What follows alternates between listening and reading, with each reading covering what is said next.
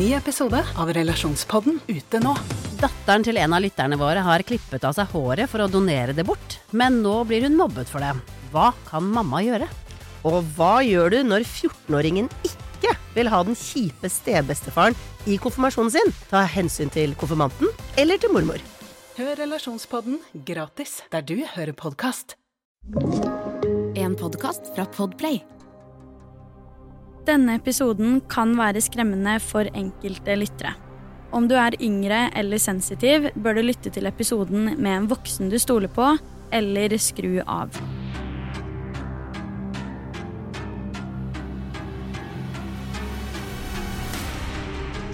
I denne episoden skal du få høre historien om 23 år gamle Molly McLaren. Dette er en helt forferdelig trist sak som står som et skrekkeksempel på stalking i sosiale medier. Personlig så syns jeg saken er veldig skremmende, og den kan minne veldig om Lauren McCluskey-saken som jeg tok for meg i en tidligere episode. Før jeg forteller deg om Molly McLaren og hennes historie, så vil jeg også bare si at denne podcast-episoden finner du også som YouTube-video på kanalen min som heter Sara Høydahl. Det er rett og slett fordi saken inneholder veldig mye overvåkningsvideoer som er veldig interessante å se. Så om du er interessert i det, så vil du også finne det på YouTube-kanalen min, som sagt. Nå la meg fortelle deg historien om 23 år gamle Molly McLaren.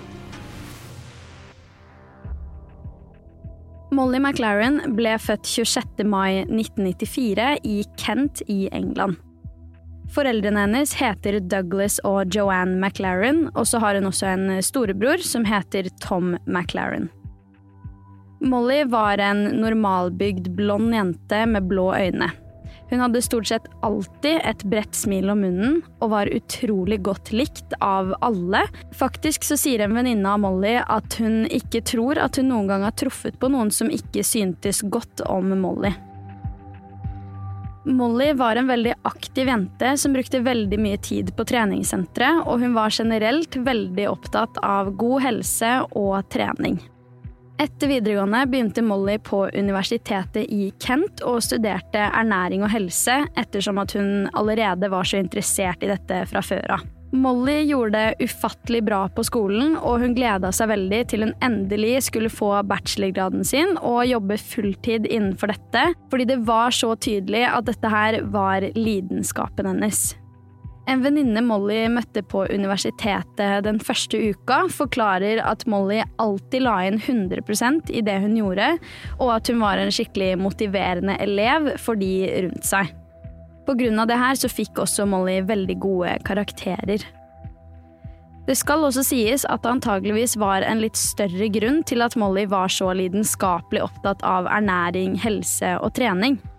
I lang tid hadde hun nemlig slitt mye med spiseforstyrrelsen bulimi, som på mange måter gjorde henne ekstra opptatt av å leve et sunt liv med gode rutiner. Dette gjorde imidlertid også at foreldrene til Molly var litt skeptiske til valget av studiet, fordi de var veldig bekymra for at Molly skulle bli helt oppslukt i dette her med ernæring, trening, dietter osv., og, så og at hun skulle falle tilbake i gamle mønstre. Molly på den andre siden virka veldig positiv til studiet og var skikkelig engasjert og dedikert. Molly var som sagt veldig godt likt, og det var mye fordi at hun var såpass imøtekommende med nye mennesker, hun var snill og en veldig varm og god jente. Rektoren på universitetet har forklart i et intervju at de fleste antageligvis kjenner Molly fra Bli kjent-uka på universitetet, fordi hun alltid kom inn i rommet med et smil om munnen, og hun forklarer videre at en av Mollys lærere beskrev Molly som et lys da hun kom inn i rommet. Det her gjorde også at Molly veldig fort fikk seg nære venner på studiet. Selv om Molly var en typisk sosial sommerfugl, så holdt hun seg til å ha veldig få kjempenære venner, og i tillegg til det her så hadde hun et veldig godt forhold til familien sin. Visstnok snakket hun med moren sin om absolutt alt. Det var ingenting moren ikke visste om Molly. Som jeg nevnte, så var jo Molly lidenskapelig opptatt av helse og trening. Hun og jentegjengen hennes var jo også unge da moderne sosiale medier virkelig ble stort, typisk Snapchat, Instagram og lignende, og i likhet med veldig mange andre på deres alder, så brukte jentegjengen alle disse appene flittig. Molly valgte imidlertid på toppen av det å starte sin egen blogg og generelt å dele tips og erfaringer innen trening på sosiale medier. Hun var jo på mange måter en fitnessinfluenser på den tiden her, og det virka som at hun trivdes veldig med det. Nå som 22-23-åring hadde egentlig Molly det meste på stell, men hun lengta samtidig veldig etter en bekreftelse fra en partner. Hun ønska seg en livslang kjærlighet, en trygghet. Vennene til Molly forklarer også at Molly aldri egentlig hadde noen særlig forhold til gutter på den måten, rett og slett fordi typisk datingkultur virkelig ikke var hennes greie i det hele tatt. Hun ønska nemlig å finne noe ekte, noen som forsto henne, og noen som likte Molly for Molly. Det er nå, sommeren 2016, at Molly tar steget og laster ned datingappen Tinder for å se om det er noen muligheter for henne der ute. Her møter hun det hun tror er kjærligheten i sitt liv, nemlig 25 år gamle Joshua Stimson. Molly er på tidspunktet 22 år gammel, og de to kommer godt overens umiddelbart. De var begge interessert i trening, og i tillegg skapte de et sterkt bånd over at de begge hadde slitt med psykiske problemer. Joshua Stimson ble oppdratt hovedsakelig av faren sin som et resultat av at foreldrene hans skilte seg da han var veldig liten. I barndommen ble han visstnok også diagnostisert med depresjon, og fikk også behandling for det her. Molly hadde jo slitt mye med bulimi og angst, så de forsøkte å hjelpe hverandre veldig når det kom til å håndtere problemene deres. I starten spilte de hverandre veldig gode, egentlig, på det området her.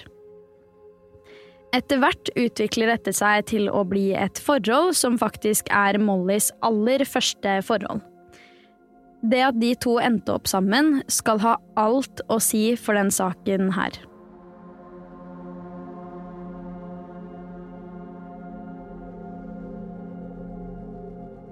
Forholdet mellom Molly og Joshua går egentlig veldig bra, eller i hvert fall frem til begynnelsen av 2017. Det er nå Molly merker en forskjell i oppførselen til Joshua, og herfra oppstår det bare flere og flere problemer. Det er også i denne perioden at Molly introduserer Joshua til en av venninnene sine, nemlig Amelia. Og det gikk ikke helt etter planen, kan du si. De tre hadde møttes på et lokalt treningssenter for å bli kjent på den måten, og Amelia har forklart i etterkant at hun umiddelbart reagerte på oppførselen til Joshua. Da de var ferdige på treningssenteret, hadde også Joshua sendt en melding til Molly og sagt et eller annet som angivelig var et forsøk på å komme imellom Molly og Amelia. Det kan jo ha vært mye, men jeg personlig antar jo at han har sagt at han ikke likte Amelia eller et eller annet i den duren. Visstnok skal Joshua nå ha blitt veldig kontrollerende og virkelig skikkelig avhengig av Molly. Molly var jo en veldig sosial jente med mange venner, så for hennes del ble det etter hvert litt mye, og hun begynte etter hvert å føle seg kvalt av kjæresten sin. Dette er angivelig en av hovedgrunnene til at Molly nå velger å gjøre det slutt med Joshua. I denne perioden blir Molly manipulert på veldig mange måter. Venninner av henne sier at Molly gikk rundt og følte seg skikkelig kjip, og Joshua fikk henne til å tro at alle problemer hun tok opp, var hennes egen feil. Molly skriver følgende i en melding til Joshua. Vi kan ikke være sammen 24-7. Jeg føler meg veldig presset. Joshua tar dette bruddet veldig dårlig, og han sender masse meldinger og bønnfaller henne om å ta han tilbake. Naturligvis tærer jo det her veldig mye på samvittigheten til Molly. Etter kort tid velger de da å gå tilbake til hverandre igjen, denne gangen for å jobbe med problemene fra tidligere. En av måtene de valgte å gjøre det her på, var faktisk å dra på ferie sammen i mai 2017. De reiser da til Tenerife i Spania, et nydelig feriested som virkelig legger opp til en opplevelse for en livstid. Denne ferien ble imidlertid ikke det verken Molly eller Joshua hadde sett for seg, for også under denne turen er Joshua kontrollerende, og de krangler vanvittig mye. Se for deg å dra på ferie med kjæresten din for å redde forholdet, og så ender det med at det omtrent bare blir verre. Molly ender nå opp med å sende masse meldinger til både venner og moren sin om det her, så hele veien vet Mollys nære om statusen i forholdet. Hun prøver nå å holde stemningen så god som overhodet mulig frem til de er hjemme igjen, for som du sikkert kan se for deg, så er det ikke akkurat en ideell situasjon å gjøre det slutt med noen når man er i et annet land og uansett må være sammen med de 24 timer i døgnet etterpå. Molly og Joshua kommer uansett etter hvert hjem igjen fra den ferien her, og kort tid etterpå så velger Molly å gjøre det slutt igjen den 17. juni 2017. Denne dagen er Molly og vennene hennes på en lokal bar for å feire Mollys 23-årsdag. I forkant av det her så hadde visstnok Molly krangla ganske intenst med Joshua på meldinger de siste dagene, men så fort hun skulle ut med vennene sine, så valgte hun å legge det bak seg og forsøkte å kose seg i stedet. Hele denne dagen så var jo Molly og Joshua fremdeles sammen, så det var en no-brainer at han skulle være med til denne baren likevel. Kvelden gikk ifølge venner av Molly veldig bra til å begynne med, men så havna Molly og Joshua i en krangel, og det virker som at det her var bristepunktet til Molly. Det er på denne baren at Molly gjør det slutt med Joshua, en gang for alle. Nok en gang takler Joshua dette veldig dårlig, men denne gangen enda dårligere enn sist, antagelig fordi at han forsto at han ikke fikk noen ny sjanse nå. Herfra går det bare nedover, og denne delen av historien syns jeg er skikkelig, skikkelig skummel. Og det er definitivt denne delen av historien som står som et skrekkeksempel. La meg forklare. Så fort det blir slutt mellom Molly og Joshua, så begynner Joshua å skrive utrolig nedlatende og stygge meldinger på Facebook-veggen til Molly. Det blir fort åpenbart at han ønsker å ødelegge livet til Molly, så han bruker i bunn og grunn sosiale medier imot henne for å skade ryktet hennes. Blant annet skriver han på Facebook at Molly regelmessig tar kokain, som ikke var sant i det hele tatt. I tillegg til det skriver han et innlegg på sin egen Facebook-vegg, hvor han skriver Det kommer mer. Dette er bare to av veldig mange eksempler på hva som ble skrevet på Facebook, og summen av det her gjorde at Molly valgte å blokkere Joshua på alle sosiale medier. Frem til dette har hun fortsatt å snakke med sine nære om relasjonen sin til Joshua, og det blir åpenbart at hun er veldig redd for hva han er i stand til å gjøre. I en av meldingene skriver hun eksempel Han vet at foreldrene mine er borte i to uker. Jeg er faktisk redd for hva han kan gjøre. Jeg er redd for at han kanskje kan skade meg. I midten av juni 2017 har Molly søkt seg rundt på forskjellige treningssentre for å få jobb, og endelig får hun seg en på Nuffield Health treningssentre, som lå på Chatham Dockside kjøpesentre.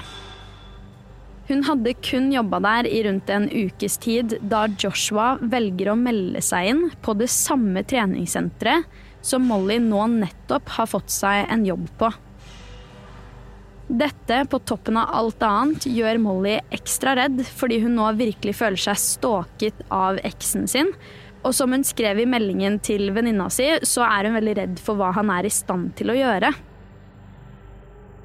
Det her igjen gjør at Molly og moren hennes bestemmer seg for å sette seg i bilen og kjøre ned til Kent politistasjon for å melde ifra, og også for å rådføre seg med politiet. Visstnok er det mye frem og tilbake i dette møtet med politiet, men de konkluderer med at politibetjenten skal ringe til Joshua, og samtalen skal foregå på høyttaler, slik at Molly og moren kan få høre absolutt alt som blir sagt, begge veier. Denne samtalen hadde i hvert fall ikke gitt meg så mye mer ro i sjela, rett og slett pga. svara til Joshua. Samtalen mellom politibetjenten og Joshua begynner helt vanlig, egentlig. Akkurat sånn som du ville sett for deg en sånn samtale. Politimannen forklarer situasjonen for Joshua. Molly har kommet ned på stasjonen med moren sin pga. oppførselen hans, og politimannen ber han slutte med dette snarest. Videre sier politimannen følgende. Vi kommer vel ikke til å oppleve at Molly kommer ned på stasjonen med samme bekymring igjen? Til dette svarer Joshua gjør vi ikke? Og så hadde jeg sittet i det møtet der, sittende i Mollys situasjon, livredd for hva eksen min kan gjøre, altså da er jeg sikker på at jeg hadde mista det totalt.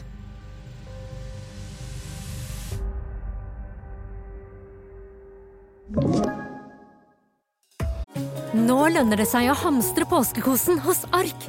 Ark inviterer nemlig til påskefest med skremmende bra nyheter, pocket fra 99 og 40% på alle spill og puslespill. Ark-påske betyr rett og slett mye påske for pengene. Så fyll opp med påskens favoritter i nærmeste Ark-butikk eller på ark.no. Kronemarked hos Bar. Nå har vi en mengde varer til 10 og 20 kroner. Hele denne uka får du løbiff fra Folkets før 54,90, nå kun 20 kroner. I tillegg får du et utvalgt Vasa knekkebrød, før fra 16,90, nå bare 10 kroner. Alltid tilbud på noe godt. Hilsen oss i Spar. Ikke sjokkerende så blir både Molly og moren hennes enda mer redde av å høre det her. Etter noen dager får Molly imidlertid en telefon fra politiet, hvor de forteller henne at Joshua faktisk har gått med på å slette alt han har posta på Facebook om henne, og det her blir jo naturligvis en lettelse for Molly. I retrospekt kan man jo tenke på om Joshua kanskje hadde andre baktanker med å slette det, enn hva Molly tenkte der og da. 28.6.2017 så skjer det noe veldig spesielt. Molly drar nå ned til en lokal restaurant eller bar sammen med venninnene sine, fordi de visstnok hadde mye å feire den kvelden her. Denne kvelden prøver Molly igjen å legge fra seg alle tanker om Joshua og situasjonen hun står i, og skal ha en fin kveld med vennene sine. Vel, det er frem til Joshua helt uanmeldt dukker opp på den samme baren eller restauranten, men sammen med en annen jente. Molly legger jo merke til det her med en gang, og på dette tidspunktet har alle vennene til Molly blokkert Joshua, sånn at han ikke skal kunne ha tilgang til å se hvor Molly er, hvem hun er med, osv. Det skulle vise seg at denne jenta som Joshua hadde tatt med seg på baren, det var en venninne av han. Han hadde fått henne til å legge til Molly på Facebook og andre sosiale medier, slik at han likevel kunne se hva Molly drev med. Denne jenta var helt uviten, og jeg syns på mange måter synd på henne, fordi hun aldri i verden kunne forutsett hva som var grunnen til at Joshua gjorde som han gjorde.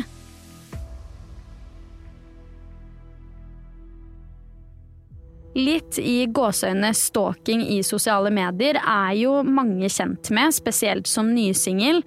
Men denne venninnen av Joshua visste ikke at han hadde planer om å dra det enda lengre enn det. Kvelden til Molly avslutter uansett tidlig, så fort hun ser at Joshua og denne jenta har ankommet baren. Molly tar seg selv ut av situasjonen og velger å dra hjem for å se på Love Island i stedet, som gikk på TV i den aktuelle perioden. Se for deg at du våkner en morgen dagen etter at eksen din på mystisk vis dukker opp på restauranten du befant deg på etter bruddet. Du trenger å få tankene over på noe annet, så du står opp tidlig og setter deg i bilen for å dra på trening. Du kommer deg inn i styrkerommet og begynner med noen øvelser, og du filmer til og med treningsøkta for å bruke det på studiet ditt. Helt ut av det blå kommer eksen din inn i rommet, helt uanmeldt og tilsynelatende tilfeldig. Det var akkurat dette som skjedde med Molly McLaren den 29. juni 2017. La meg ta deg gjennom den skjebnesvangre dagen.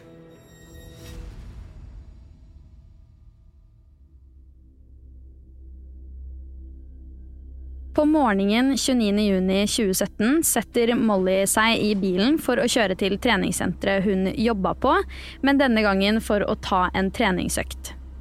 Hun filmer økta for å bruke det på universitetet, og overvåkningsvideoer viser at Molly så å si var alene på senteret denne morgenen. Ut av ingenting midt i økta så dukker Joshua Stimson opp i samme treningsrom og begynner faktisk å trene rett ved siden av Molly. Mollys første reaksjon er å gå til telefonen sin og si fra til både moren og venninnene sine, og de alle ber henne om å ikke snakke med han og heller fjerne seg fra situasjonen. Dette hører ikke Molly på i det hele tatt, så hun går bort til Joshua og spør om han stalker henne. Hva han svarte på det her, har jeg faktisk ikke klart å finne noe om, men uavhengig av det så drar Joshua etter veldig kort tid. Sånn sett så blir det jo veldig åpenbart at Joshua ikke kom dit for å trene i det hele tatt. Han kom dit kun for å stalke Molly. Molly gjør seg da ferdig med økta si så fort Joshua har dratt, og hun snakker også med sine nære mens hun ennå er på senteret. Molly skriver i en melding til venninna si at hun fra nå av ikke skal ta noe kontakt med Joshua eller anerkjenne at han er der. Etter hvert som Molly har gjort seg ferdig med økta, så pakker hun sammen tingene sine og er på vei ut av treningssenteret og inn i bilen sin. Hun får satt seg inn i bilen, men før hun i det hele tatt har fått starta bilen, så tvinger Joshua seg inn i bilen og knivstikker Molly totalt 75 ganger.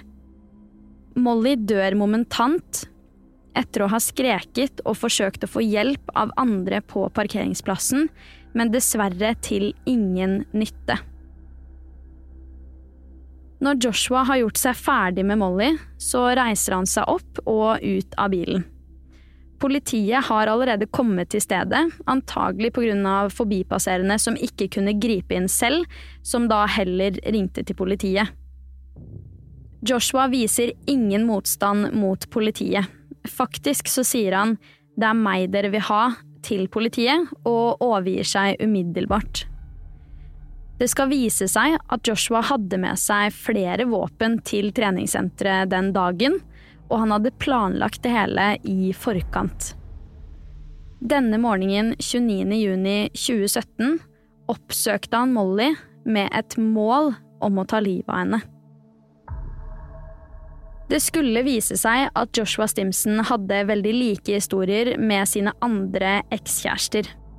Dette var et mønster han hadde hatt hele livet sitt, og jeg tror faktisk det hadde vært veldig interessant å finne ut mer om hvorfor Joshua endte opp sånn som han gjorde. Joshua hadde ikke tatt livet av noen før, men dette med stalking og skrive stygge ting om ekser på nett, det hadde han definitivt gjort tidligere. Visstnok hadde han også kommet med trusler mot sine tidligere partnere. I rettssaken velger Joshua å melde seg uskyldig i drapet, og grunnlaget hans var at han var utilregnelig i gjerningsøyeblikket.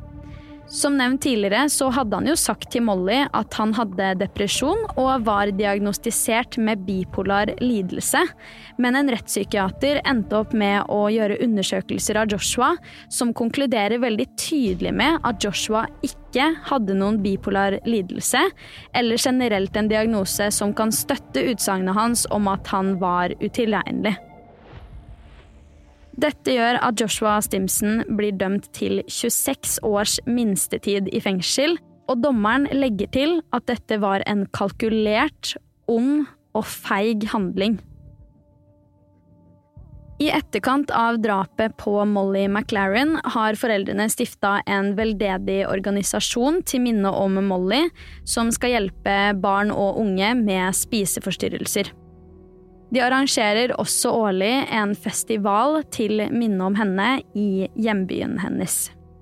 Denne historien kan lære oss mye om nettvett, at vi tar forholdsregler på sosiale medier og blir mer bevisst på hvem vi prater med online. Det er mange forstyrra mennesker der ute, og Joshua Stimson er definitivt et godt eksempel på det. Personlig syns jeg jo også at politiet burde grepet inn tidligere og mer, og at de kanskje burde ta trusler og trakassering på sosiale medier mer på alvor. For i den saken her så ser vi jo at politiet visste om hele denne situasjonen, men alt de gjorde var å si 'dette må du slutte med', og ikke noe mer enn det. Men hva tenker du? Har du noen andre tanker og refleksjoner rundt denne saken her, eller kanskje samme refleksjoner som meg? Send det gjerne inn til meg på Instagram, der jeg heter Forsvinningsfredag. Det er jeg alltid interessert i å lese. Du har hørt Forsvinningsfredag podkast med meg, Sara Høydahl, og dersom du vil høre om flere true crime-saker, så kan du også sjekke meg ut på YouTube, der jeg heter Sara Høydahl. Uansett så kommer det en helt ny Forsvinningsfredag podkast-episode allerede neste fredag, og i mellomtiden, ta vare på deg selv.